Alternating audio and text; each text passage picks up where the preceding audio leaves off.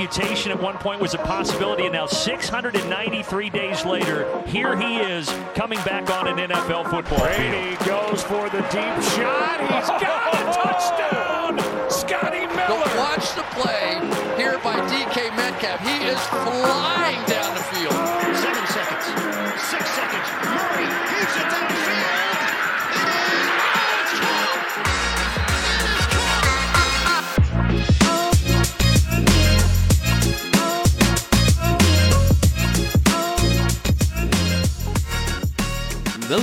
bij een nieuwe aflevering van de Sport Amerika NFL podcast.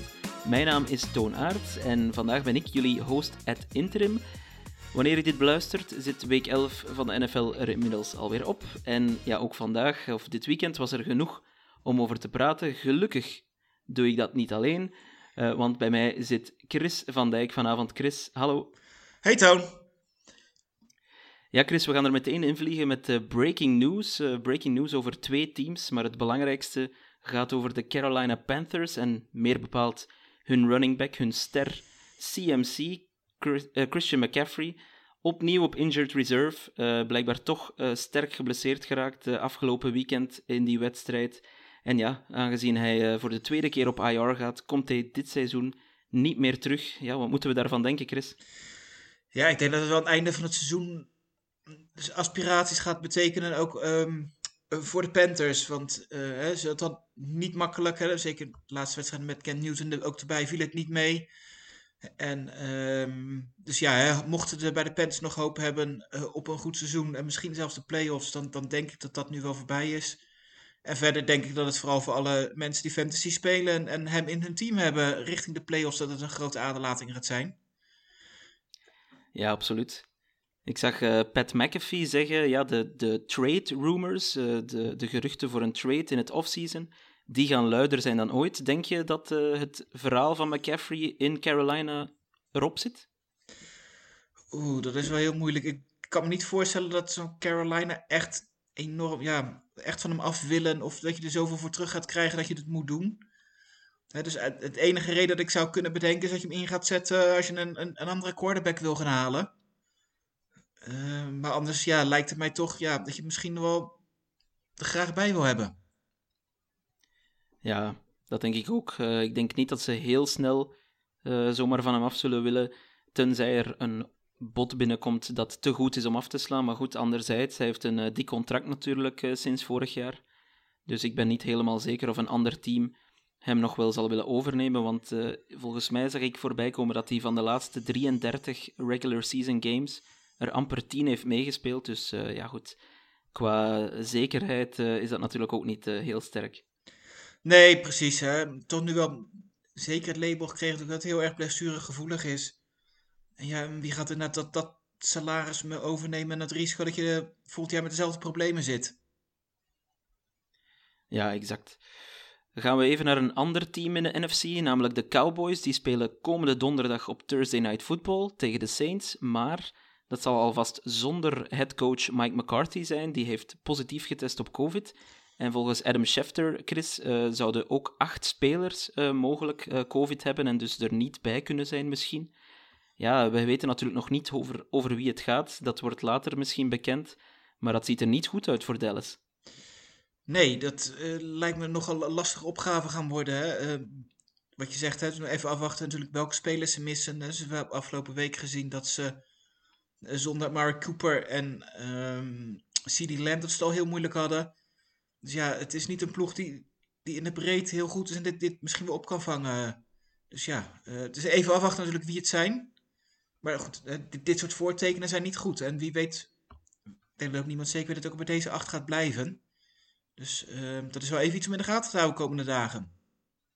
Ja, inderdaad. En over die game gesproken trouwens. Nu zijn we een beetje in preview-modus, maar goed. We pakken het er even bij. Ik zie hier net vijf minuten geleden eh, Ian Rappaport zeggen dat eh Taysom Hill de startende quarterback zou zijn voor de Saints. Dat is ook weer iets om naar uit te kijken. Ja, zeker. Ik denk dat het ook wel tijd werd. Hè? Ik bedoel, eh, ze geven niet voor niks vorige week een enorm dik contract. En ehm, ook mede als, ehm, als quarterback, dat eventueel betaald zou kunnen worden als hij daar gaat spelen. Nou goed, en met Travis Simeon gaan ze de playoffs sowieso niet halen. Ze hebben nog wel een kansje Maar ik denk dat de afgelopen drie wedstrijden gewoon echt niet goed genoeg waren. En ja, dan, dan moet je uiteindelijk gewoon denk ik terug naar, naar Taysom Hill. En in ieder geval hem de kans geven. Of hij het gaat redden, denk ik ook niet. Dat het er ook niet goed genoeg voor is. Maar goed, hè, je hebt hem en je betaalt hem ervoor. En dan lijkt het niet meer dan logisch dat hij in ieder geval de kans gaat krijgen. Ja, voilà. Hij, hij verdient genoeg geld, denk ik, om, uh, om alleszins toch een keertje de kans te krijgen. En zoals je zegt, Chris, uh, veel slechter of veel uh, levenlozer dan met Trevor, Trevor Simeon kon het niet worden, denk ik. Maar goed, dan gaan we nu wel over naar de traditie van deze podcast, namelijk de momenten van de week. Chris, waar heb jij je oog op laten vallen afgelopen weekend? Ik heb voor een play gekozen uit laat ik het voorzichtig zeggen, niet de beste wedstrijd van het afgelopen weekend.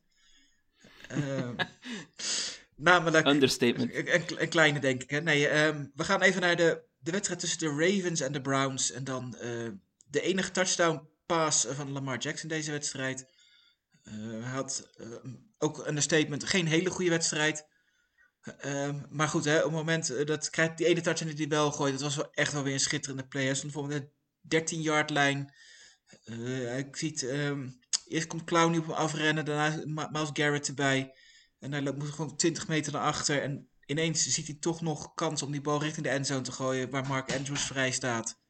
En uh, eigenlijk compleet vrij de touchdown kan vangen. En wat ik extra mooi vond aan dit moment is ook, hè, dat je ziet eigenlijk hè, dat de bewondering van, van Garrett, dat, dat uh, Jackson die paas nog kan gooien. Hadden we ook zelf totaal niet verwacht. En ja, echt een, eh, een, een, schouderklopje geeft aan, aan Jackson voor die fantastische paas. En dat was voor mij wel het moment van de week. Ja, helemaal terecht. En over die wedstrijd straks nog ietsje meer, maar het was inderdaad, laat het ons zeggen, uh, een van de weinige hoogtepunten van die game. Um, voor mezelf, ik heb een moment gekozen uit de Colts tegen de Buccaneers. daar Vida Vea, die krijgt daar op een gegeven moment in een soort scrimmage krijgt hij een colt tegen zich aan, letterlijk, met zijn helm. En je ziet op de camera in de, in de herhaling, herhaling, dat is het, uh, zie je zijn tand, zijn voorste snijtand is het geloof ik, zie je wegvliegen, eruit vliegen.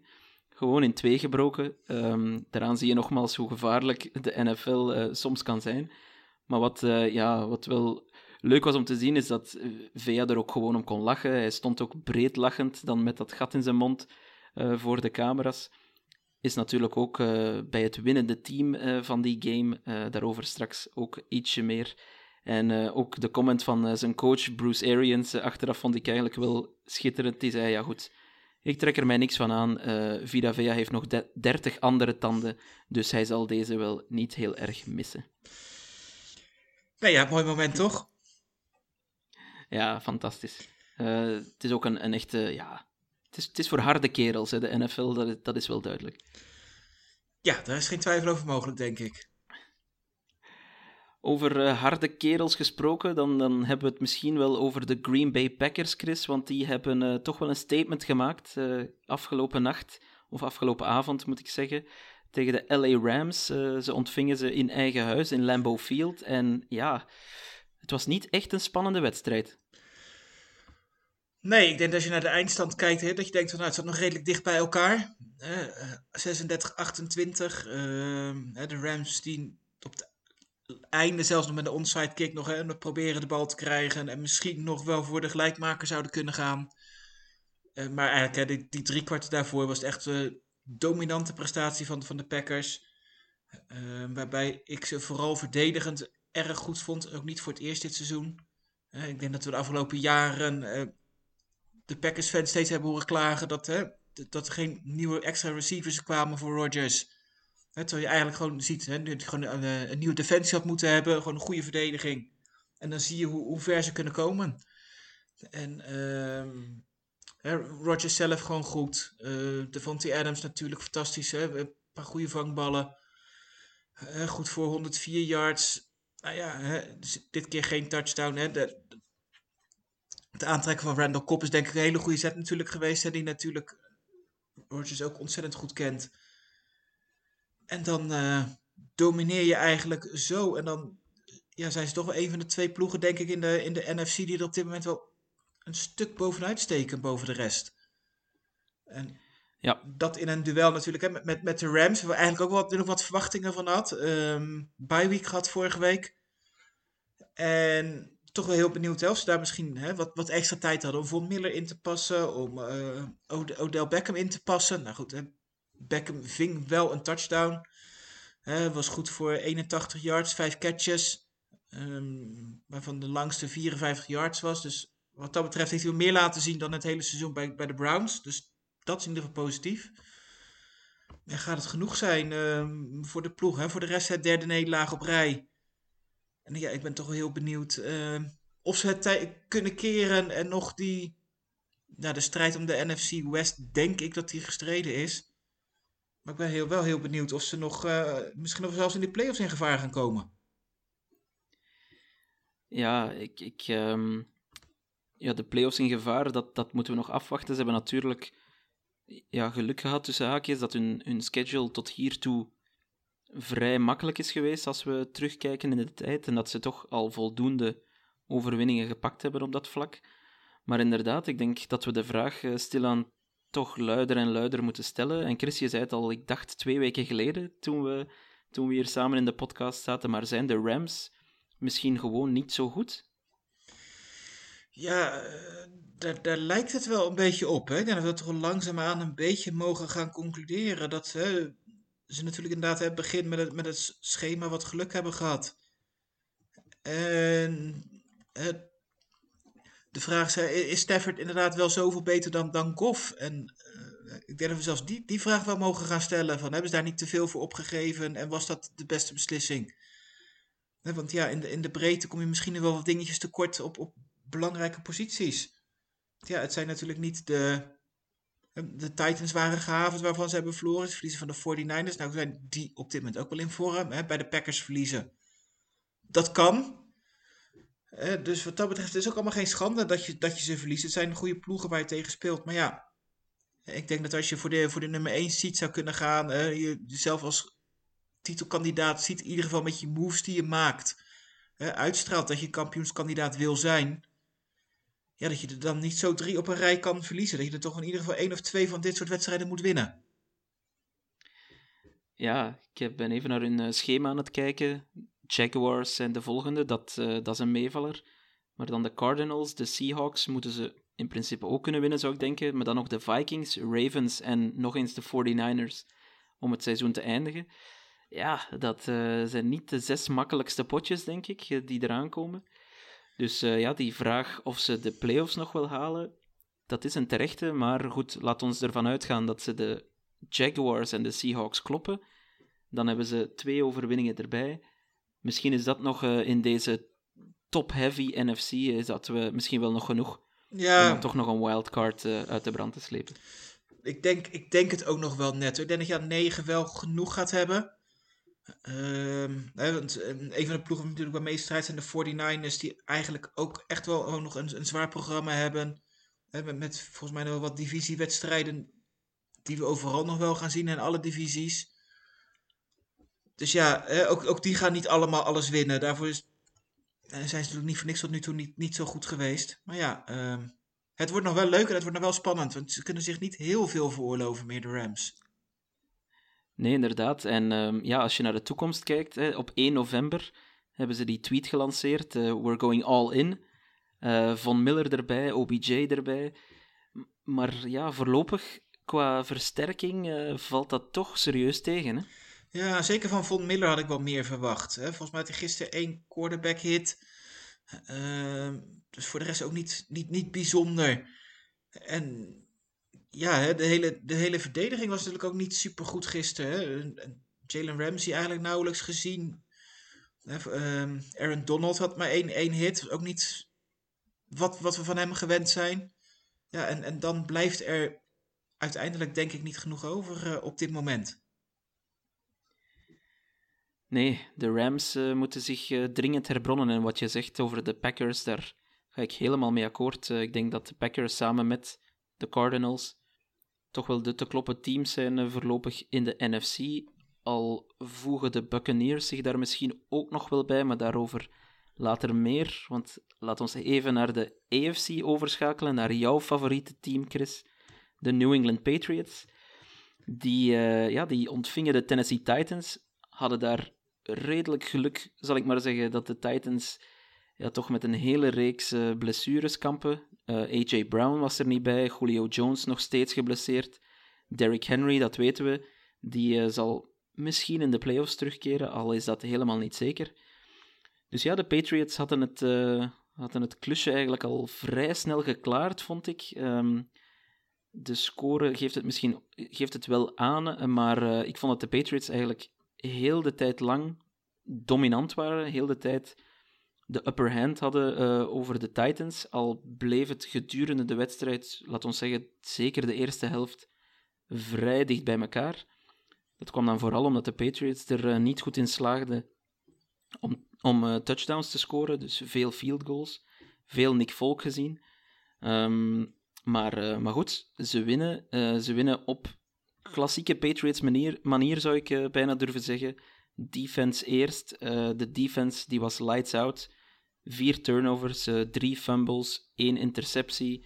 Die interceptie trouwens van JC Jackson, die heeft de laatste twee jaar al 21 intercepties gevangen. Dat is toch een behoorlijk indrukwekkende statistiek. En ja, Matt Judon bijvoorbeeld in de verdediging, die staat echt heel, heel, heel goed te spelen. Heeft ook alweer 11,5 sack dit seizoen, heeft er weer eentje bij gehaald. Dus de defense die was top, alleen er was wel uh, een klein probleempje, zou ik zeggen, wat run defense betreft. Want ze lieten wel 250 uh, eh, rushing yards toe.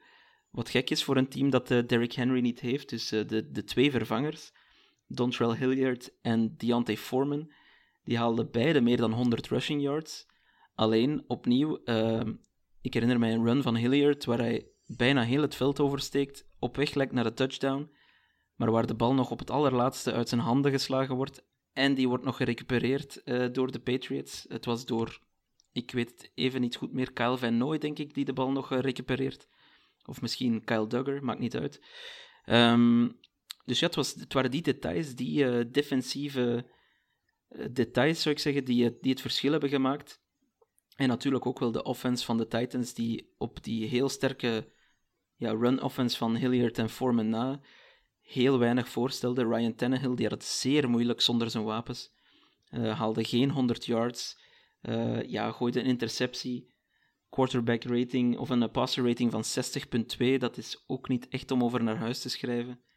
50% van zijn passes gecompleteerd. En dan ja, moet je vaststellen dat, uh, dat de New England Patriots op deze manier, op de soort klassieke oldschool Bill Belichick manier, ja, toch gewoon een heel stevig team zijn in de AFC en in de NFL in zijn geheel al zes keer op rij gewonnen. Ondertussen ook uh, tweede in de AFC in zijn geheel. Nog steeds aan de leiding van de AFC East. Dus ja, het monster van uh, Foxborough doemt weer op na een, na een jaar om snel te vergeten. En kunnen we meteen de luistervraag van Jimmy erbij nemen, Chris, en aan jou gericht specifiek. Is Bill Belichick intussen een topcoach of heeft hij nog een weg af te leggen? Na de laatste weken denk ik dat hij het wel een stuk beter is gaan doen als coach daar in New England. Uh, de vraag komt natuurlijk, een van onze eerste previews die ik op Sport Amerika geschreven heb voor de tegen de Jets. Waar ik voor de grap in had gezegd dat Salah een, een betere coach was dan, dan Bill Belichick. Nou, dat is natuurlijk niet waar. Ik denk dat we alle hebben kunnen zien hè, dat ze qua niveau elkaar niet heel veel ontlopen. En dat het bijna gelijkwaardig is. um, Maar goed, even eh, eh, op een serieuze, serieuze antwoord. Hè. Ik denk wel dat dit misschien wel een van de beste prestaties als coach is van de afgelopen misschien wel tien jaar uh, met deze ploeg. Hè. Misschien dat het niet het resultaat op gaat leveren. Maar goed, als je ziet natuurlijk wat, wat er op het veld staat. Uh, is het ook wel wat minder dan in, in de hoogtijdagen met, met, met Brady. Die natuurlijk zelf ook een hoop op kon lossen. Um, dus wat dat betreft doen ze natuurlijk uitstekend en, en echt boven verwachting. Hè. Ik had verwacht dat ze rond 500 zouden zijn. Hè. Uh, zeker als je met een rookie gaat starten, had ik er niet heel veel van verwacht. Uh, in ieder geval dat hij fouten zou gaan maken. Hè. En als er nou iets is waar, waar, waar Mac Jones heel goed in is, is uh, het voorkomen van, van onnodige fouten. En, en dat is denk ik wel wat mij enorm verbaasd heeft. dat, dat de verdediging goed zou zijn, dat wisten we ze hebben behoorlijk geïnvesteerd in uh, aanvallende mensen om hem heen, de tight ends, qua receivers. Of het allemaal goed is wat ze gehaald hebben, dat is weer een andere vraag. Maar er loopt ook wel genoeg bij. Heeft in Born echt wel goed spelen de laatste weken. Ehm, dus wat dat betreft, ehm, qua ploeg verrassen ze mij. Jij zei van, maak een beetje zorgen over die rushing yards. Eh, ik, ik had ook wel een heel klein beetje het idee dat, het, dat de Patriots niet heel erg vonden dat de Titans voor de rush kozen. Met, met die achterstand en lekker de tijd op, op afsnoepten. En ehm, als ze zich maar niet uh, lieten verrassen door een paas van Tannehill. Wat eigenlijk misschien wel, wat je van tevoren verwacht, dat de Titans voor zullen kiezen. Ondanks de afwezigheid natuurlijk van alle receivers. Dus ja, ik weet niet zozeer of het een probleem is of dat het een, een beslissing is geweest van de coachingstaf. Ik denk dat we daar tegen de Bills wel een, een, een beter beeld van krijgen. Hè, want die hebben qua running backs niet zo heel goed. Hè, maar de laatste weken uh, doet Josh Allen het heel goed over de grond. Hè, dat, dus die heeft daar ineens wel weer, nou, ik weet niet, stappen gemaakt. Of dat ze dat nu met het uh, belangrijke seizoen eraan gaat komen. dat ze denken van nou, laten we dit gedeelte maar in vorm gaan krijgen voor de playoffs. Waar, waar die hard nodig zal zijn. Uh, dus ja, er komen een paar leuke wedstrijden aan. Hè. Ik denk dat we inderdaad over deze wedstrijd van de Titans niet heel veel hoeven te zeggen. Hè. Veel blessures. Uh, we komen hierna nog even bij de Colts. Hè. Maar alvast spoiler alert, die hebben verloren. Hè, waardoor de Titans gewoon die ruime voorsprong houden. Hè, wat dat betreft vind ik het erg jammer dat de Titans en Colts niet meer tegen elkaar spelen. Hè. Dat ook al zeker is dat de Titans, ja, precies. dat die Titans die tiebreaker hebben, waardoor het gat gelijk zo heel groot is. Dus ja, gezien het, de rest van het programma moeten de Titans die playoffs wel gaan halen. Moeten de divisie wel gaan winnen. En als ze dan iedereen fit krijgen voor de playoffs, dan telt deze wedstrijd eigenlijk totaal niet meer. Dan, dan is het gewoon een hele andere ploeg. En zou je misschien wel verwachten dat het resultaat in ieder geval de winnaar andersom zal zijn. Ik denk niet zo'n groot verschil als, als nu. Maar, maar zijn beide teams compleet fit, dan denk ik dat de Titans licht favoriet zijn. Uh. Ja, ik denk toch dat vooral uh, de terugkeer van Derrick Henry cruciaal zal zijn. Want oké, die Hilliard en Foreman halen nu beide 100 yards. En dat is mooi, uh, zeker voor hun statistieken. Uh, maar zoals je zegt, soms leek het wel alsof de Patriots het, het ook gewoon toelieten, dat die gaten wel erg groot waren in de D-line. En, en ja, als Henry er niet bij is, dan zie je toch dat Ryan Tannehill zijn belangrijkste wapen, namelijk de play-action, dat hij dat helemaal verliest. En, en dan wordt hij toch een zeer matige quarterback. Wie uh, gisteren niet matig was, vond ik, was Mac Jones. Hè. Je haalde het al aan. Als ik naar hem kijk, dan denk ik, uh, Mac Jones is een veteraan, maar verkleed als een rookie. Um, ik vind zijn beslissingen die je neemt, de kalmte waarmee je dat doet en, en vooral ja, ook zijn, zijn accuraatheid, vind ik echt wel straf uh, voor, een, uh, voor een rookie quarterback. En zeker iemand waar niet iedereen van overtuigd was toen, hij, toen hij gedraft werd. Maar hij is op dit moment verreweg de beste rookie quarterback in de NFL. Met heel veel voorsprong. Um, en ja, Chris, is, het, is, is Mac Jones de frontrunner voor Rookie of the Year? aanvallend dan gezien? Of zijn er nog twee andere kapers op de kust? Twee wide receivers misschien? Ja, ik denk uiteindelijk, ja, ik, mijn keuze zou denk ik toch wel zijn voor Mac Jones op dit moment. Um, ik vind het gewoon zo knap. Het is toch de belangrijkste, moeilijkste positie denk ik in, in voetbal. En we zeggen soms dat het niet, niet altijd terecht is dat een prijs automatisch naar, naar de quarterback gaat. Um, maar in dit geval um, denk ik het wel. Hoewel ik van, van de rookie receivers, vooral Jamar Chase, echt fantastisch vind. En belangrijk is uh, voor zijn ploeg. En echt heel belangrijke rol speelt in de reden uh, dat, dat de Bengals ook enorm verrassen dit seizoen. Nog een andere verrassing. Uh, maar voor mij blijft het toch wel een beetje Mac Jones.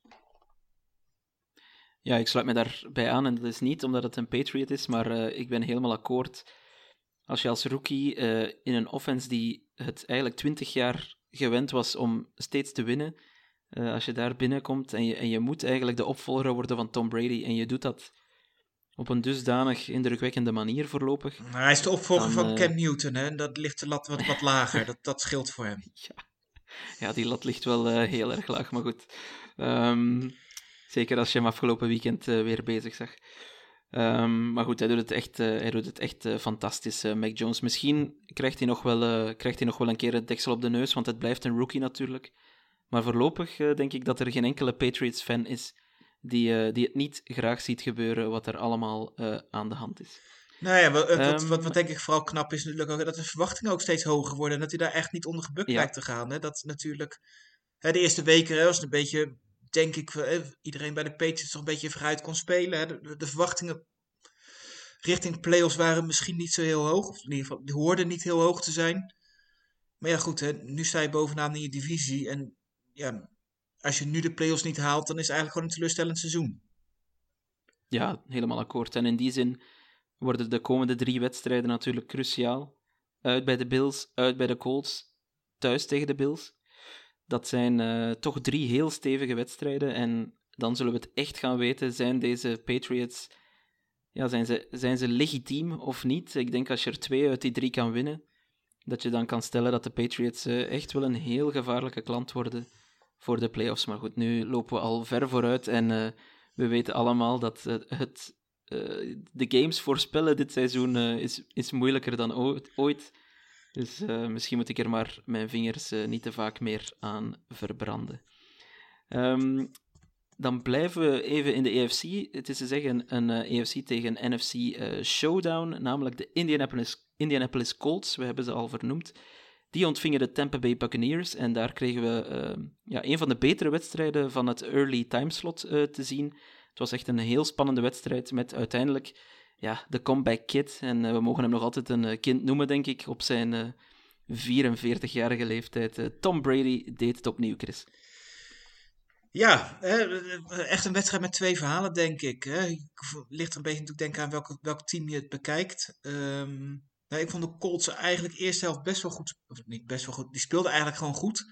Ehm, stonden tien punten voor. Meer dan verdiend. Niks aan gestolen. Hè. Krijgen eigenlijk begin tweede helft de, de drive dat ze de kans hebben om, om het verschil 17 te maken. Volgens mij staan ze op de 10-yard lijn. En daar gaat het, vanaf dat moment gaat het eigenlijk fout. Ehm, de verdediging van de, van de Bucks staat op.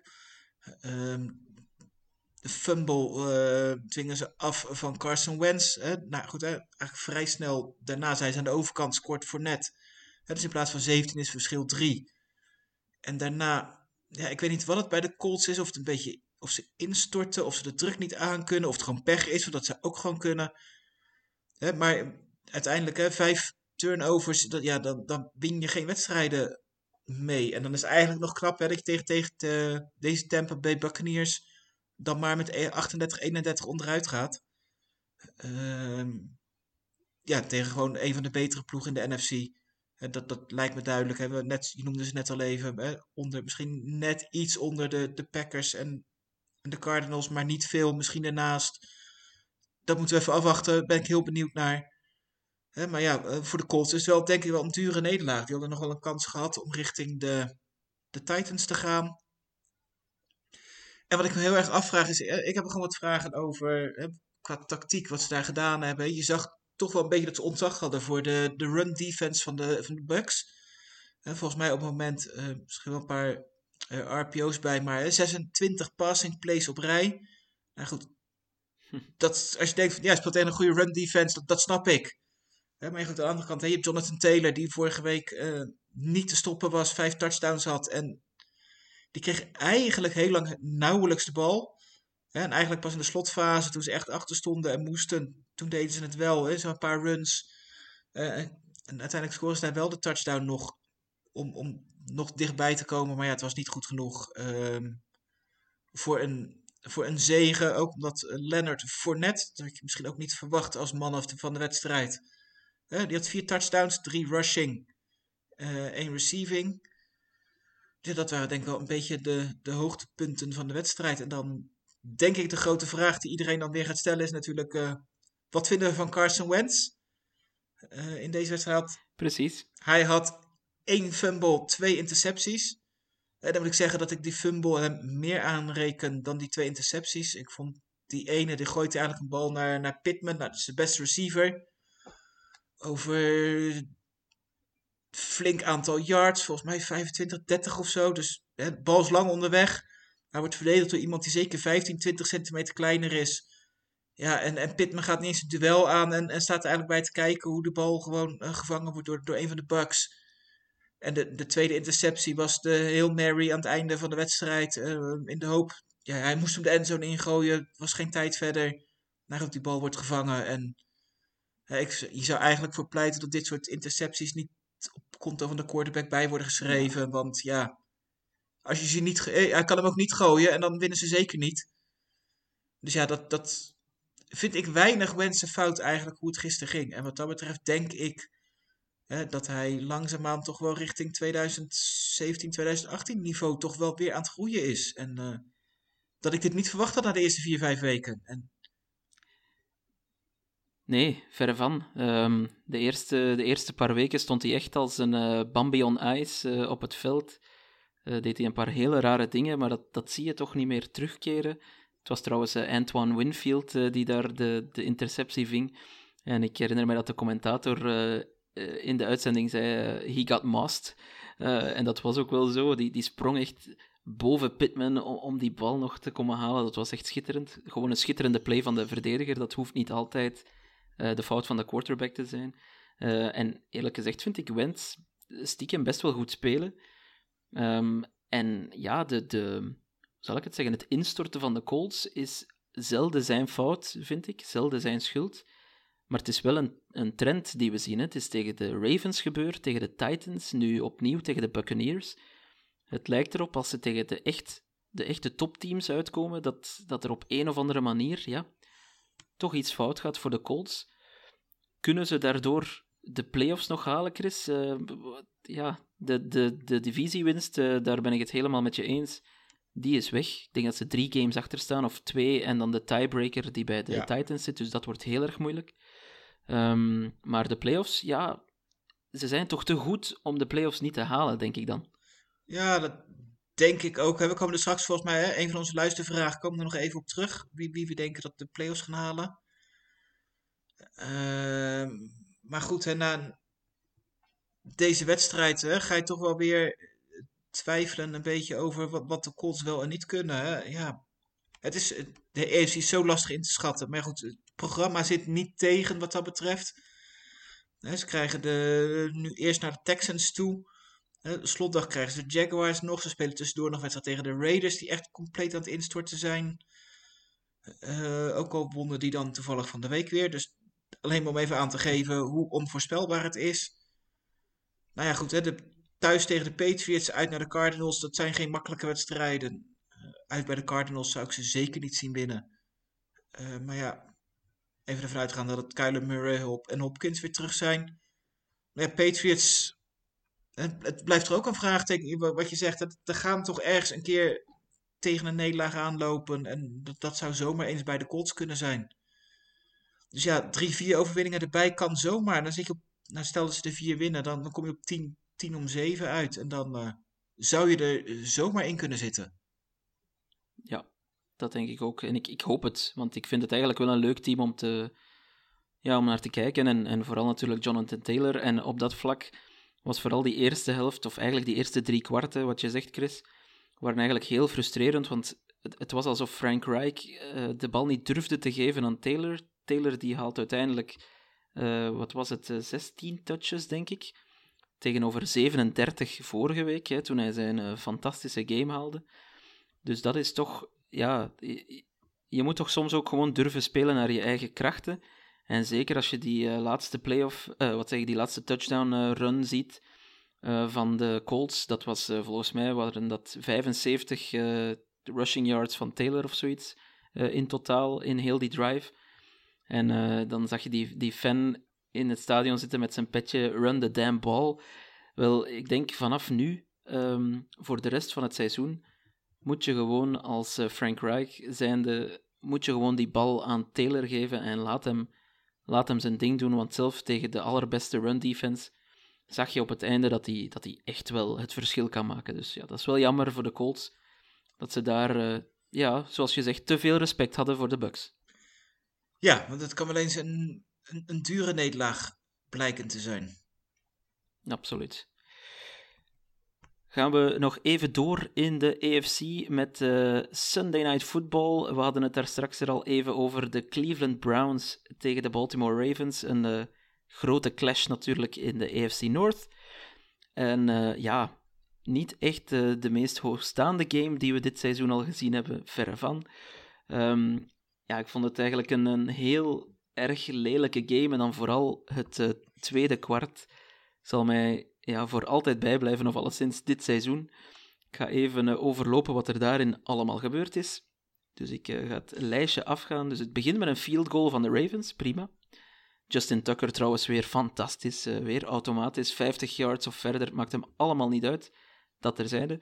Field goal voor de Ravens, fumble van de Browns, interceptie Jackson, een field goal voor de Browns, een nieuwe interceptie van Lamar Jackson, een nieuwe fumble bij de Browns, een nieuwe interceptie, de derde op rij uh, bij de Ravens, een punt van de Browns en dan het einde van de eerste helft. Dat uh, illustreert perfect, denk ik, deze wedstrijd, waarin het eigenlijk voor beide teams ja, amper liep. Lamar Jackson die gooit vier intercepties in totaal, wint toch dat is de eerste keer in 54 keer dat zoiets gebeurt. Dus uh, ja, quarterbacks zijn 1 in 53 wanneer ze vier intercepties gooien.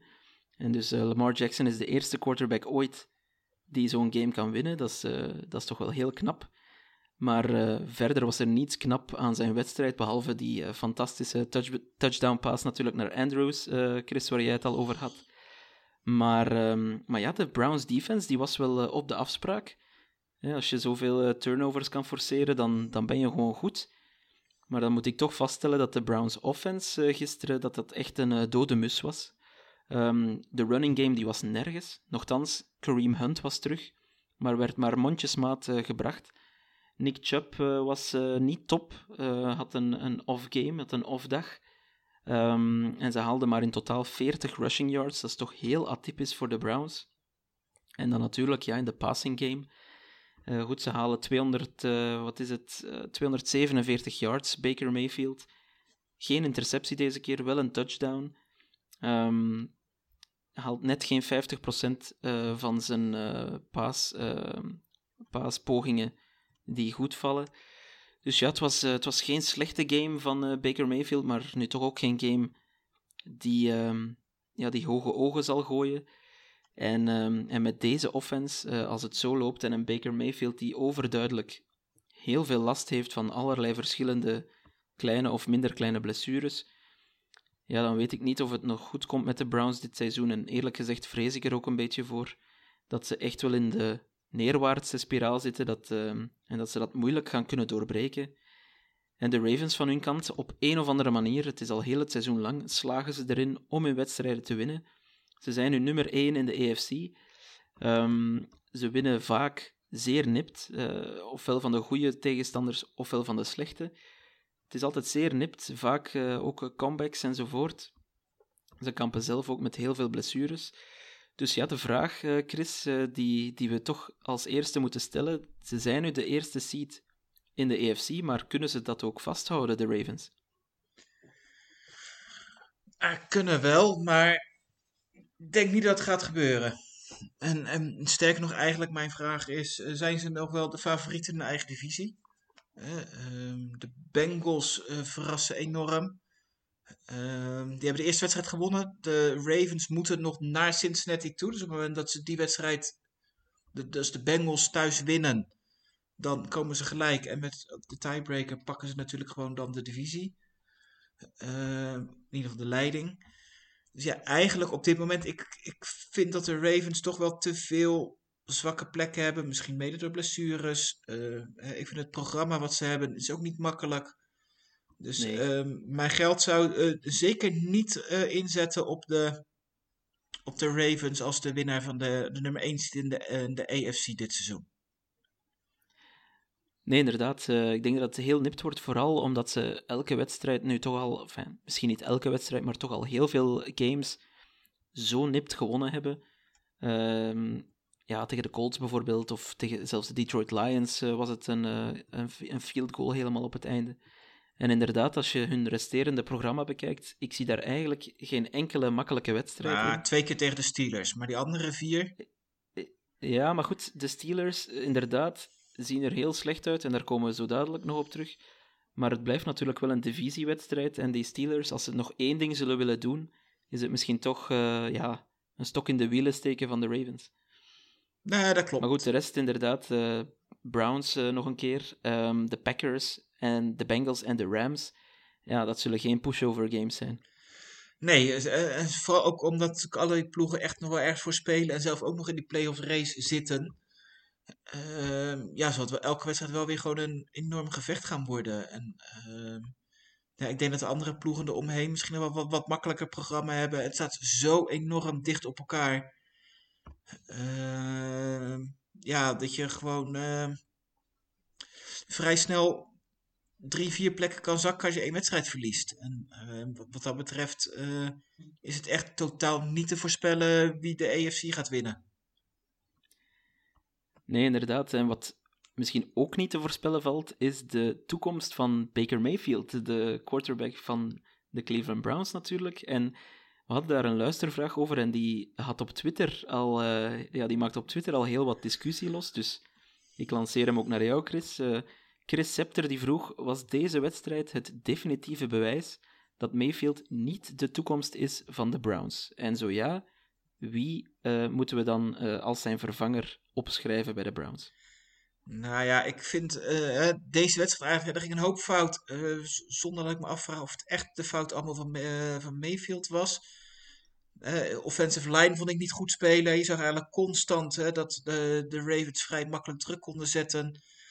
Ook een hoop ballen die gegooid werden, die niet gevangen werden. Nou ja, goed, ze zijn berucht om een enorm goede running game. Hè, die waren ook totaal afwezig. Hè, met in totaal 40 yards. 17 carries, 2,4 yards gemiddeld per carry.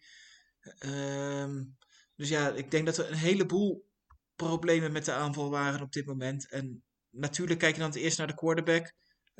Dat is denk ik logisch. Hè. Die status heeft Mayfield ook niet afgedwongen dat hij ehm, onomstreden is in Cleveland. Dus wat dat betreft snap ik het wel zeker dat je natuurlijk na vorig seizoen gehoopt had dat de Browns eh, die stap zouden zetten. Misschien ook wel verwacht had. Hè. Ik kan me herinneren dat ik de Browns nog wel eens getipt heb als de winnaar van de Super Bowl van dit seizoen. Eh, ja, ik, Dat wordt moeilijk. ik weet ook niet waarom ik dat gezegd heb en eh, hoeveel ik daarvoor gedronken had. Maar goed, dat geeft helemaal niet.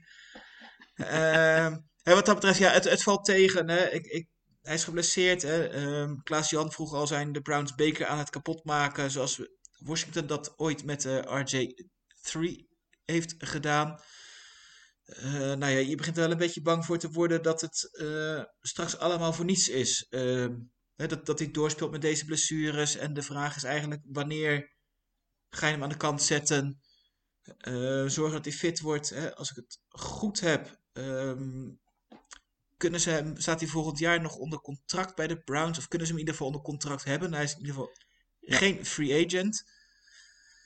Ehm, ja, ik zie op dit moment eigenlijk maar één mogelijke vervanger. ehm, voor wie het zeg maar de moeite waard is om, om afscheid te nemen van Mayfield. En dat is Aaron Rodgers als hij weg wil. Ehm, misschien Russell Wilson. Maar dat zijn wel de, twee enige, de enige twee quarterbacks die waarschijnlijk of misschien beschikbaar komen. Eh, die echt een versterking zijn ten opzichte van Mayfield. En dan eh, in de draft schijnt ook geen supergoede quarterbacks te zitten dit jaar. Dus ja, waarom, dus ik kan me niet voorstellen dat ze na dit seizoen afscheid gaan nemen van Mayfield. Nee, ehm, inderdaad, Russell Wilson was ook de eerste naam eh, waar ik aan dacht. Hij is ook uit, Ohio, weliswaar uit Cincinnati, maar goed. Ehm, het, zou, zou wel logisch zijn op een manier, eh, maar natuurlijk moet Wilson wel nog eh, weggeraken uit Seattle eerst. Eh, dat zal niet makkelijk worden. Aaron Rodgers, dat weet ik niet of dat die wel naar Cleveland zou willen gaan. Die, had misschien, die heeft eerder zijn oog misschien op Denver laten vallen. Of wie weet blijft hij gewoon in Green Bay en was het allemaal een maat voor niets, dat drama. Maar goed, dat is een andere discussie. Maar ik, heb, ik heb vooral de indruk met Baker dat hij zichzelf zo heel erg hard wil bewijzen. Tegenover alles en iedereen. Ehm, ik weet nog in zijn rookiejaar eh ja, irriteerde Baker redelijk veel mensen met, met nogal wat praatjes dat hij maakte enzovoort. Dat zie ik allemaal niet meer bij hem. Ik zie nu vooral een heel grote drang om zich te bewijzen. Hij wil antwoorden op het veld. Alleen vrees ik dat Baker ja, net, net niet getalenteerd genoeg is om, eh, ja, om echt een Super Bowl contender van de Browns te maken. Ik denk dat hij toch nog net een niveautje lager staat dan, eh, ja, zelfs dan een Jimmy Garoppolo bijvoorbeeld, eh, die toch al met zijn team naar de, naar de Super Bowl geweest is. Misschien is hij eerder een niveau Jared Goff, zoiets. Ehm, ik vind hem heel zelden outstanding. Ehm, en als hij slecht is, Baker, dan is hij ook wel heel slecht, moet ik zeggen. Ehm, dus goed, is hij de toekomst van de Browns? Ik denk het niet. Ik denk dat ze verder gaan kijken, maar inderdaad, uh, geloof ik wel dat ze hem gewoon nog die, die fifth year option, dat vijfde seizoen, denk dat ze die optie gewoon nog gaan lichten voor volgend seizoen. En dan gaan ze wellicht kijken, zit er een top quarterback in de draft? Zo nee, kunnen we misschien uh, met wat ander kapitaal of een free agent um, quarterback binnenhalen of traden voor een quarterback. Tenzij natuurlijk Russell Wilson dit offseason al in hun schoot valt, ja, dan gaan ze niet twijfelen, denk ik. En dan zal Baker Mayfield zeer snel uh, op de keien staan. Ja, dat denk ik ook. Hè. Ik denk dat je uh, uh, dat Baker Mayfield hè, sowieso geen cornerback is, hè, waarmee je zeker weet hè, dat je standaard mee gaat doen de Super Bowl.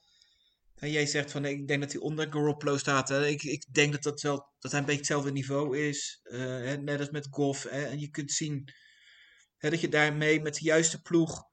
Uh, dat je daarmee de Super Bowl kan halen, kan winnen. Hè, zoals eigenlijk de Eagles hè, met, met Wentz en later zelfs met Foles gedaan hebben. Hè, maar alleen de rest van je ploeg moet gewoon goed zijn. Hè, je moet eigenlijk hè, en een goede verdediging hebben. En je receivers moeten goed zijn. En je offensive line moet sterk zijn. En dat kan je een jaar of twee jaar hebben. Maar ja, goed, daarna zie je altijd dat ploegen in de NFL uit elkaar vallen. Hè, spelers die ergens elders meer kunnen verdienen. Wat dat betreft werkt natuurlijk het salary cap. Wat dat betreft uh, dat wel in de hand. Hè, dat je moeilijk een, een dynasty kunt hebben met een gemiddelde quarterback. Hè. Dan moet je echt wel uitzonderlijk goed zijn. Je quarterback moet uitzonderlijk goed zijn. Hè, om het met mindere spelers omheen te kunnen redden. Maar met een mindere quarterback heb je gewoon heel veel goede spelers nodig. Ja, helemaal mee eens. Uh, we blijven in de AFC North, want er was nog een divisiewedstrijd. De Pittsburgh Steelers die trokken naar Cincinnati tegen de Bengals. En dat was alles behalve spannend. Uh, de Bengals die hebben echt brandhout gemaakt van de Steelers. Chris, uh, vertel eens. Nou ja, dat was uh, bij rust al meer dan gespeeld. Uh, 31-3 was de, de ruststand. Natuurlijk hadden de, de Bengals hadden al de uitwedstrijd bij de Steelers gewonnen. Toen was TJ Watt er niet bij, dus toen beloofden de Steelers dat het vandaag een ander potje, of gisteren een ander potje zou worden. Nou goed, het werd nog eenzijdiger. Dus uh, wat dat betreft lag het daar niet alleen aan. En uh, ja, de Bengals maken wel echt enorm indruk. De tweede helft. Nou goed, hè, goed voet van het gaspedaal af. En Mixon was eerst, vooral de eerste helft echt fantastisch. Uiteindelijk goed voor 165 rushing yards. Um, nou goed, wat dat betreft de, combinatie met Chase en Mixon. Ja, het zijn gewoon twee enorme wapens voor Burrow. En lastig te verdedigen. En zelfs een toch wel een behoorlijke verdediging. Als, als de Steelers kon dat niet. Nou, hè, ze hebben de laatste twee wedstrijden nu tegen de Ravens en de Steelers uh, gewonnen met totale score van 82-27. Dus ja, wat dat betreft geeft het wel aan hoe, hoe goed het daar loopt op dit moment. En toch wel ook de verdediging er staat. En dan toch wel benieuwd, ja, wat kunnen de Bengals dit seizoen? Hoe, hoe hoog kunnen ze komen? Ja, zeer hoog, denk ik. Um, ik, ik moet zeggen, ik heb het, ze hebben even een dip gehad uh, in het seizoen, hè, met die nederlagen tegen de Jets uh, en de Browns. Toen dachten we even, oké, ze komen terug met de voetjes op de grond. Um, ze zijn goed, beter dan verwacht, maar niet meer dan dat. Maar ja, tegen de Raiders, uh, zoals je zegt, en de Steelers herpakken ze zich toch uh, fenomenaal. Um, en ja, dat, dat trio Burrow, Chase, Mixon, dat is ongelooflijk. En wie heeft een O-line nodig, zou ik zeggen, als je zo'n als je wapens kan opstellen? Dat is natuurlijk een beetje van de pot gerukt wat ik zeg. Maar, maar de Bengals, als ze op die manier spelen, met die offense, dan moet iedereen uh, die, daar, uh, die daar tegen zal spelen, moet daar schrik van hebben. Uh, ja, bijvoorbeeld volgende week al de Chargers. Ja, als Joe Mixon tegen de slechtste run defense zijn duivel zal ontbinden, dan houd ik mijn hart vast voor de Chargers, moet ik zeggen. En de Bengals, wat jij daar straks al zei, Ehm, ik, ehm, ja, ik zie het wel gebeuren hoor, dat ze de AFC North winnen. En wat een eh, fantastisch eh, verhaal zou dat zijn. Met eh, Joe Burrow vorig jaar eh, in zijn rookie season die uitvalt. Als hij eh, op deze manier kan terugslaan. Het zou een van de mooiste verhaallijnen van het seizoen zijn, denk ik. En eerlijk gezegd, als ze zo leuk voetbal brengen en zo goed spelen, ja, dan gun ik ze ook alle succes. Ja, aan het begin van het seizoen stonden de Bengals volgens mij met een voorspelling op 6,5 overwinning. Dus dat was een beetje de verwachting. Nou, het is eh, nog niet eens december en eh, ze zitten er al overheen. Ja, fantastisch. Ehm, ja, en zo goed het bij de Bengals was en zo goed als eh, Joe Burrow was als quarterback, ja, moeten we het ook even over die andere quarterback hebben bij de Steelers. Ja, dat was, eh, dat was heel slecht, hè, Chris. Eh, Big Ben, moeten we hem stilaan niet eh, ja, tegen zichzelf beschermen? Moet hij, moet, niet, moet niet van dat veld gehaald worden? Of zijn we dan te onrespectvol tegenover Big Ben? Nou, ik twijfel een beetje. Aan de ene kant snap ik wel dat, dat, hè, dat mensen dat gevoel hebben. Maar goed, we hebben het wel over Pittsburgh, hè, die op het moment dat als ze Big Ben niet speelt, dan moeten ze met Mason Rudolph spelen en dan spelen ze gelijk tegen de Lions. Dus ehm, ja, het alternatief, het, het wordt niet heel veel beter. Dus ehm, kijk, eh, ik heb eigenlijk al vanaf het begin af aan van het seizoen gezegd, ik zie de Steelers niet als een playoff team. Hè, ook al stonden ze in het begin een tijdje bij winning records, zeg maar tot, eh, tot gisteren. Eh, ze, gaan, ze gaan de playoffs niet halen in de AFC, dat lijkt me duidelijk. Ehm, laat, laat Big Ben zijn laatste zes potjes nog spelen. Eh, Geef hem het afscheid wat hij verdient, wat hij voor de, voor de club betekend heeft. Eh, maar neem gewoon van de, eh, na dit seizoen toch wel echt afscheid van hem. En ga dan lekker zoeken naar een nieuwe quarterback. En, ga je dan richten op de toekomst. Ja, wat ik wel vreemd vond, hè, je staat dan, wat was het, eh 31-3 of, of op een ge- gegeven moment 41-3 achter. En dan toch blijft eh, Ben Roethlisberger daar eh, ja, under center staan. En dat vind ik wel bizar, dat je hem, dat, dat nog, eh, dat je hem daar nog de wei in stuurt. Dan, dan kan je toch wel Mason Rudolph of Dwayne Haskins zetten, denk ik dan. Maar goed. Ja, ja, lastig. Ik weet niet hoe het gaat. Je hoort er ook wel vaak hè, van spelers dat ze er zelf ook niet, niet, gra- niet graag uit willen. En hè, weet natuurlijk ook dat hij na vandaag nog, nog maar zes keer op het voetbalveld staat. En die wil misschien wel gewoon elke minuut spelen. Ik, ik moet altijd denken aan, eh, aan Frenkie de Jong bij, bij Ajax, die jaar dat ze kampioen werden.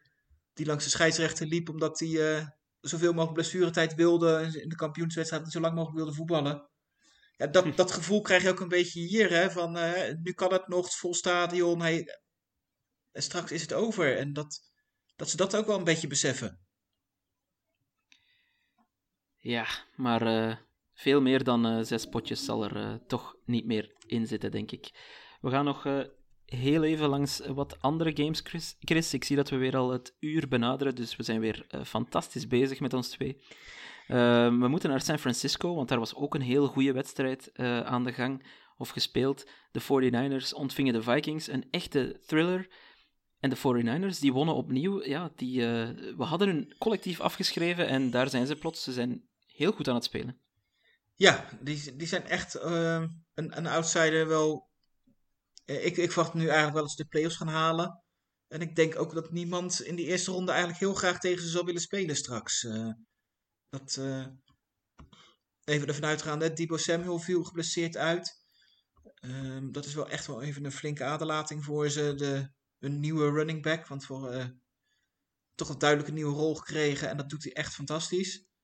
Ja, Ehm, en dat, dat helpt de ploeg enorm. En ehm gaan een paar wedstrijdjes missen. En nou, de, de 49ers, hè, dat heb ik ook al gezegd, niet het makkelijkste programma aan het einde met nog wat potje in de NFC West op het programma die, die ze eraan komen. Dus ja, ehm, het is eh, wel echt wel een, een team om naar uit te kijken. Hè? En je ziet toch wel, hè, als ze compleet zijn, dat ze de potentie hebben. Hè, dat Garoppolo eigenlijk gewoon doet wat hij moet doen. Hè, en, en vooral niet verzieken. Hè, dat, want Trey Lance, daar hoor je nu eigenlijk ook helemaal niet wat meer over dat hij moet spelen. Dus ja, het, het, gaat goed in, in San Francisco. In tegenstelling tot Minnesota. ja al eh, ja, Minnesota, zeker op het einde, was wel een, eh, een collapse om eh, u tegen te zeggen. Cousins die er op een fourth down achter zijn right guard zich gaat opstellen om de bal aan te nemen. Dat was ja.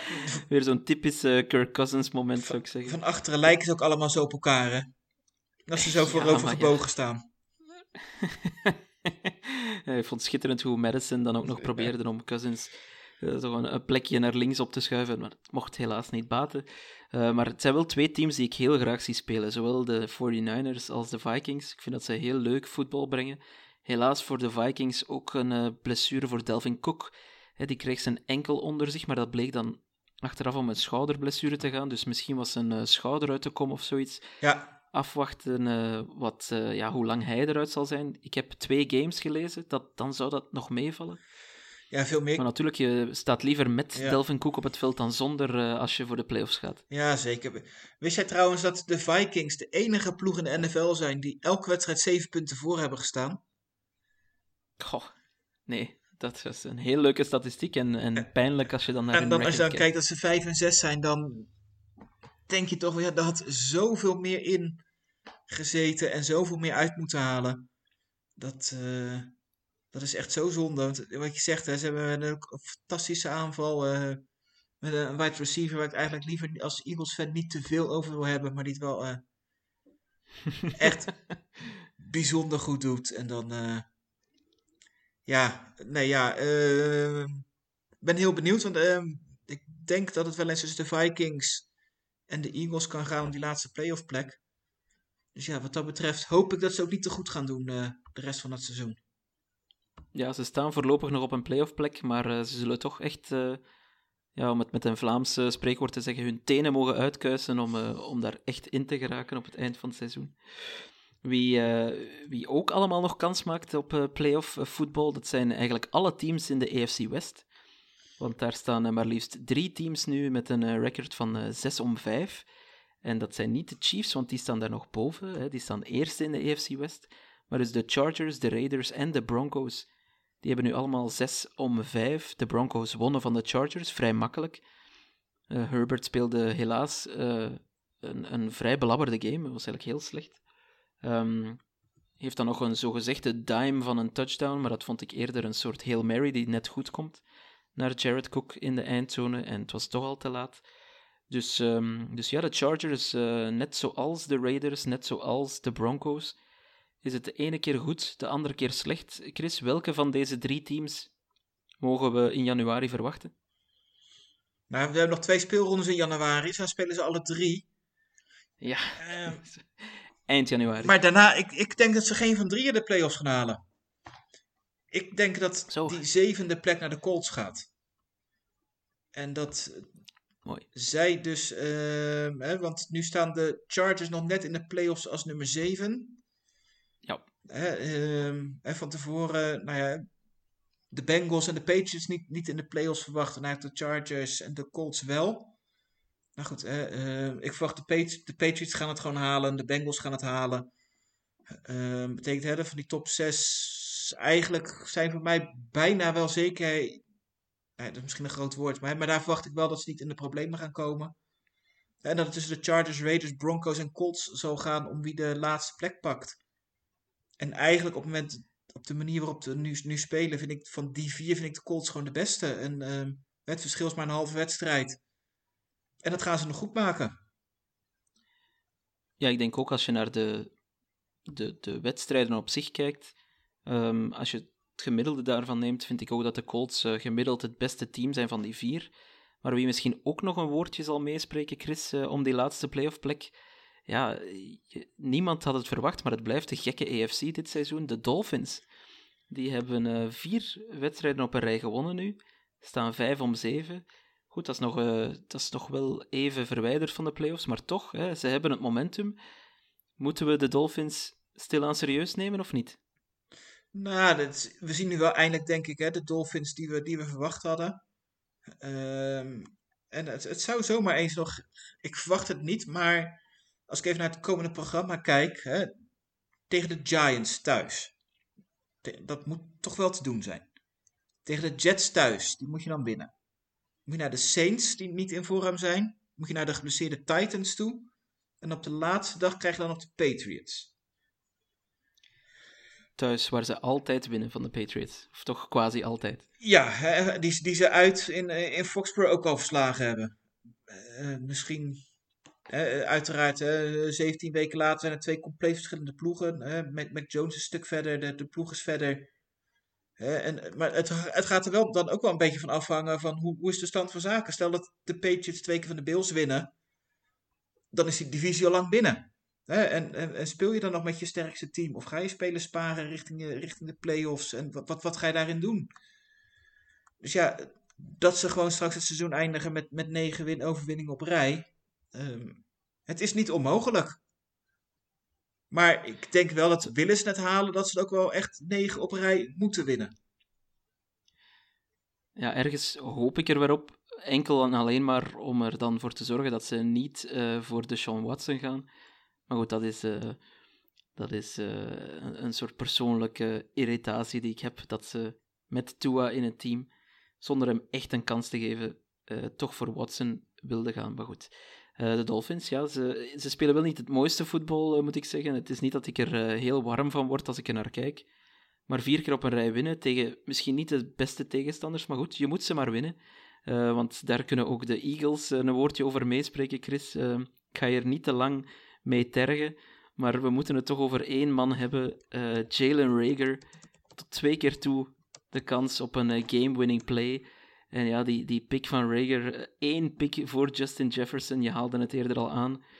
Ja, elke week lijkt dat een stukje pijnlijker te worden voor Eagles-fans. Ja, dat klopt. Eh, het is natuurlijk eh, juist de speler die misschien wat meeste mist is. Een goede receiver ehm, bij de Eagles. En als je dan inderdaad ziet dat je die had kunnen hebben twee jaar geleden. ja, dat is, dat is wel heel erg zonde, wat je zegt. Hè? Het was niet... nou, het was eigenlijk een hele matige wedstrijd van de Eagles. Eh, veel te veel eh, drie turnovers van, eh van Hurts. Wat, gewoon te veel is, tegen, zeker tegen deze Giants. Hè? Wat, natuurlijk eh, ook een sowieso wel een teleurstellende nederlaag was. Hè? De weken daarvoor gewonnen. En dan hoop je eigenlijk, hè, je weet hè, met het programma. eh, en gisteren speelden daarna nog de Vikings en de 49ers tegen elkaar. Hè, dus je wist als Eagles zijn, hè, als we winnen staan we in de, in de playoffs, zijn we bij die top 7. En dan verlies je hem van, van de Giants, die ook geen goed seizoen hebben. En dat je dan daar, en dan zeker de manier inderdaad, hè, waarop hè, met slecht spel. En dat je dan in die slotminuut eigenlijk nog verwacht van, hè, we gaan hem er toch nog uithalen. Hè, twee ballen op Rieger. Ik denk dat die eerste niet makkelijk was. eh, eh, een goede, ja, Jefferson had hem gevangen. Ik denk dat je hem niet heel kwalijk kan nemen. ehm, dat hij hem Hij niet botst op zijn helm, denk ik ook. Hè? ja, ik had het gevoel, hè, weet je, dat hij hè, net, net een klein, heel klein slim zetje kreeg van, eh, van een van die verdedigers. Hè, zonder dat hè, terecht een no-call, maar en dat hij net even iets uit balans was, waardoor hij die bal net niet goed kon timen. Ja, maar ja, die tweede wordt gewoon recht op hem afgegooid en eh, die moet hij gewoon winnen. Eh, gewoon, gewoon vangen en dan is het gewoon een overwinning. Ja, pijnlijk, eh, extra pijnlijk als je ziet wat er eh, nog zou kunnen gebeuren voor het Washington voetbalteam, eh, mochten ze winnen vanavond. Daar, daar hebben we het straks misschien heel eventjes over. Dan de laatste wedstrijd, of de laatste twee wedstrijden, daar ga ik heel kort over zijn. Daar moet voor de rest niet te veel woorden aan vuil gemaakt te worden. Maar de Jets winnen hè, voor de derde keer dit seizoen. Daarmee doen ze alleszins toch al beter dan vorig seizoen. Dus dat, dat, is, dat is heel knap. Ehm, en de Falcons die hebben ook gewonnen ehm, van, eh, van, de Tex eh, sorry, van de Jaguars was dat. Ehm, en daarmee is, eh, is, is ook alles over die wedstrijd gezegd. Cordero Nou. Patterson, ja zeg eens. Nou ja, ehm, we hebben het over teams, playoff kandidaten. De Atlanta Falcons, waar we het heel kort over hebben, die zijn gewoon Ja. op plek 8. Maar, maar dit is toch gewoon het, Ja, het, slechtste 5 en 6 team uit de geschiedenis van de NFL. Dat, dat kan toch niet anders? Ja, ik, ik, ja, je moet wel hopen dat die er toch nog tussenuit vallen, of anders gaat een van de teams ehm, straks in de playoffs ja, wellicht een heel makkelijke eerste ronde krijgen. echt, elke, Daar elke, gaan we maar even vanuit. elke ploeg die onder de Falcons eindigt, moet gewoon verplicht zijn coach ontslaan vanwege een wanprestatie. Oei, dat zou er nog heel veel kunnen zijn als het even verkeerd loopt. Ja, ik ga daar niet, Al ik ga daar blijf niet ik, eh, vanuit. Ja, al blijf ik eh Cordero Patterson eh, wel echt een, eh, een schitterende speler vinden. Op zijn 31ste helemaal heruitgevonden. En opnieuw twee touchdowns gescoord. leuke, heel leuke speler. Ehm, voor we naar Monday Night Football kijken, Chris, nog twee of één luistervraag. Eigenlijk waren het twee luisteraars die min of meer dezelfde vraag stelden. Bob en HSJ Jansen. Die vroegen eh, wie zijn nu de playoff-kandidaten en wie zien we straks in de Super Bowl. En aangezien wij zo'n fantastisch track record hebben in het voorspellen van dit soort dingen, zijn wij de ideale twee eh, kandidaten om hierop te antwoorden. Ja, ik voorspel gewoon de Patriots. weet tenminste zeker dat die het niet gaan redden. ja, dat is slim. Nee, ehm, nou, eh, even de playoff ploegen die ik verwacht. Ik denk dat dat wel een beetje duidelijk is. Hè? Eh, AFC zeg ik Ravens, Patriots, Titans, Chiefs, Bengals, Bills en de Colts. En in de NFC zijn er denk ik zes voor mij ook wel zeker. De Cardinals, de Packers, de Bucks, de Cowboys, de Rams en de 49ers. Dan blijft er ook nog één plekje over. En dan denk je dat de Vikings de beste ploeg zijn. Maar goed, ehm, je blijft een fan of niet. En de Eagles hebben het makkelijkste programma. Dus ehm, de Eagles worden nummer 7. Zeer mooi. Wel, in de AFC ben ik eh, akkoord op de zevende plek na.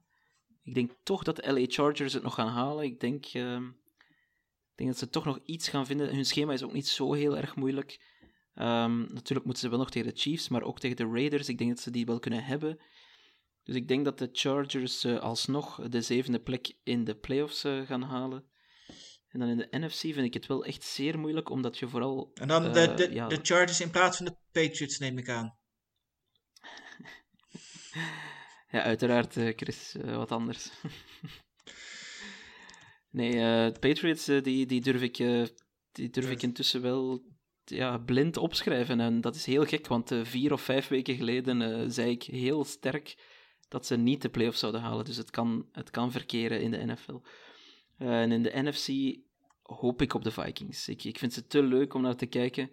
Dus ik hoop dat zij toch als zevende nog eh, in de playoffs geraken.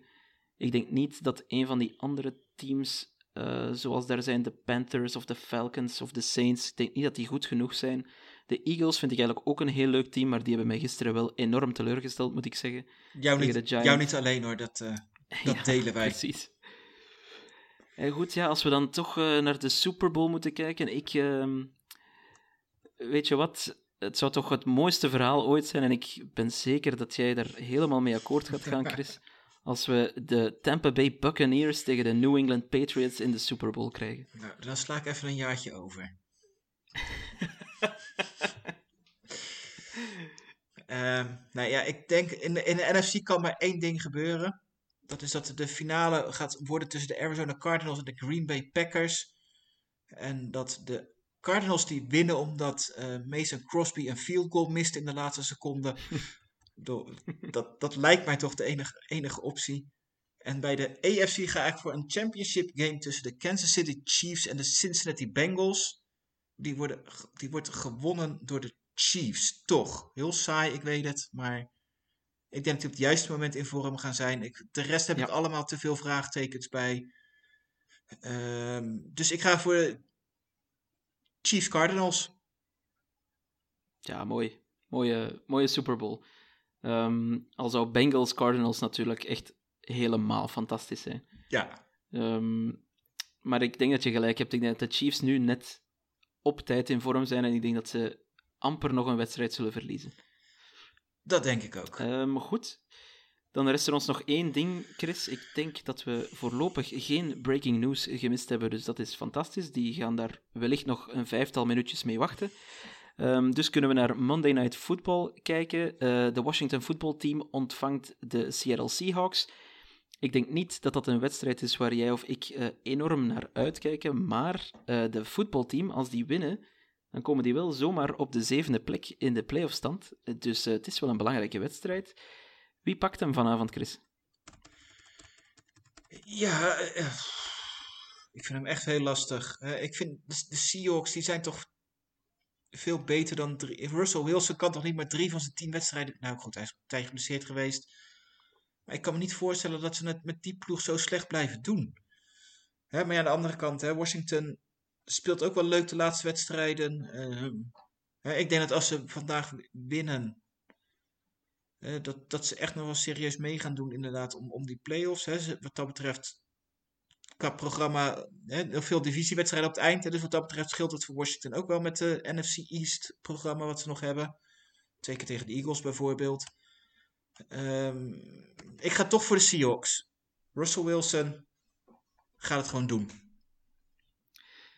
Ja, ergens hoop je er wel op, hè. gewoon omdat ja, dat team.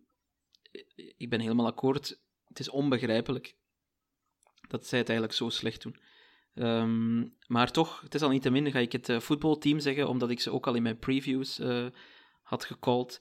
En ik denk dat zij ehm, ja, best wel in vorm zijn. Eh, Terry McLaurin is, is heel goed bezig. Heineke die krijgt heel veel vertrouwen de laatste weken.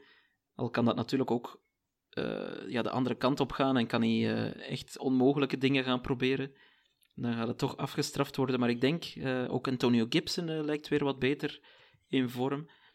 Die verdediging, ondanks de blessure van Chase Young, beter en beter. Dus ik, ik ga toch het lichte voordeel aan de voetbalteam geven. Ehm, maar dan nog een laatste vraag daarover, Chris. Het is meer vooruitkijken ook. Ja, Russell Wilson en Pete Carroll in Seattle. Zien we, zijn we echt de laatste wedstrijden van die twee aan het eh, bekijken in Seattle of gaan ze toch bijtekenen? Ja, ik vind, het is zo lastig inschatten. Hè. Ik, Wilson natuurlijk nog steeds hè, dat hij niet tevreden is, dat hij weg wil. Maar goed, dit seizoen op het veld merk je er niks van. Hè. Ondanks dat het niet goed gaat, hè, denk ik wel dat hij er hè, 100% voor gaat. En dat we geen bankklanken horen uit Seattle. Dus ja, eh, nee, maar toch, hè, aan de andere kant, er zijn zo best wel wat goede ploegen die een, een goede quarterback zoeken. En het zal me niks verbazen als die er toch voor gaat om weg te gaan. Dus ik ga, mijn voorspelling is, eh, dit wordt het einde van Wilson en Carroll in Seattle. Ja, daar sluit ik mij bij aan. Ik heb het gevoel al heel het seizoen dat het eigenlijk ehm, dat het echt de last dance is, bij wijze van spreken, eh, om, om die term die veel te veel gebruikt wordt, nog maar eens te gebruiken. Ehm, zeker ook Carroll, die heel de tijd zegt, ja, zonder Wilson eh, zat ik hier niet meer, eh, enzovoort. Dus ik denk, aangezien het nu echt heel slecht gaat, en ik heb niet echt de indruk dat het snel gaat keren, denk ik dat, ja, dat voor die twee, en, en toch op zijn minst voor Carroll, het verhaal in Seattle geschreven is. Ja, dat denk ik inderdaad ook wel. Hè.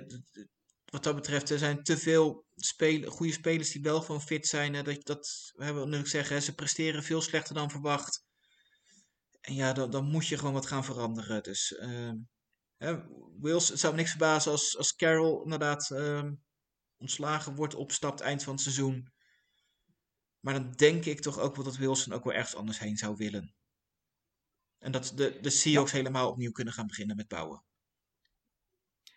Dat denk ik ook. Maar eh, we zullen het zien. Eh, we zijn er door, Chris. Dat hebben we weer heel goed gedaan. Netjes onder het uur. Nee, dat is eh, niet waar natuurlijk. Maar, maar we zijn er door. Komende week mogen we ongetwijfeld nog een college football podcast verwachten. Daar zitten ze ook in de laatste rechte lijn van hun seizoen. Een fantasy podcast op het einde van de week.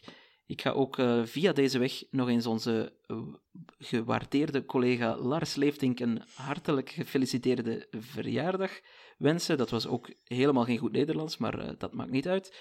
En voor de rest, Chris, ga ik jou bedanken voor je aanwezigheid en je deskundige analyse. En ehm, jou, luisteraar, bedankt om te luisteren. En we horen elkaar ongetwijfeld binnenkort weer.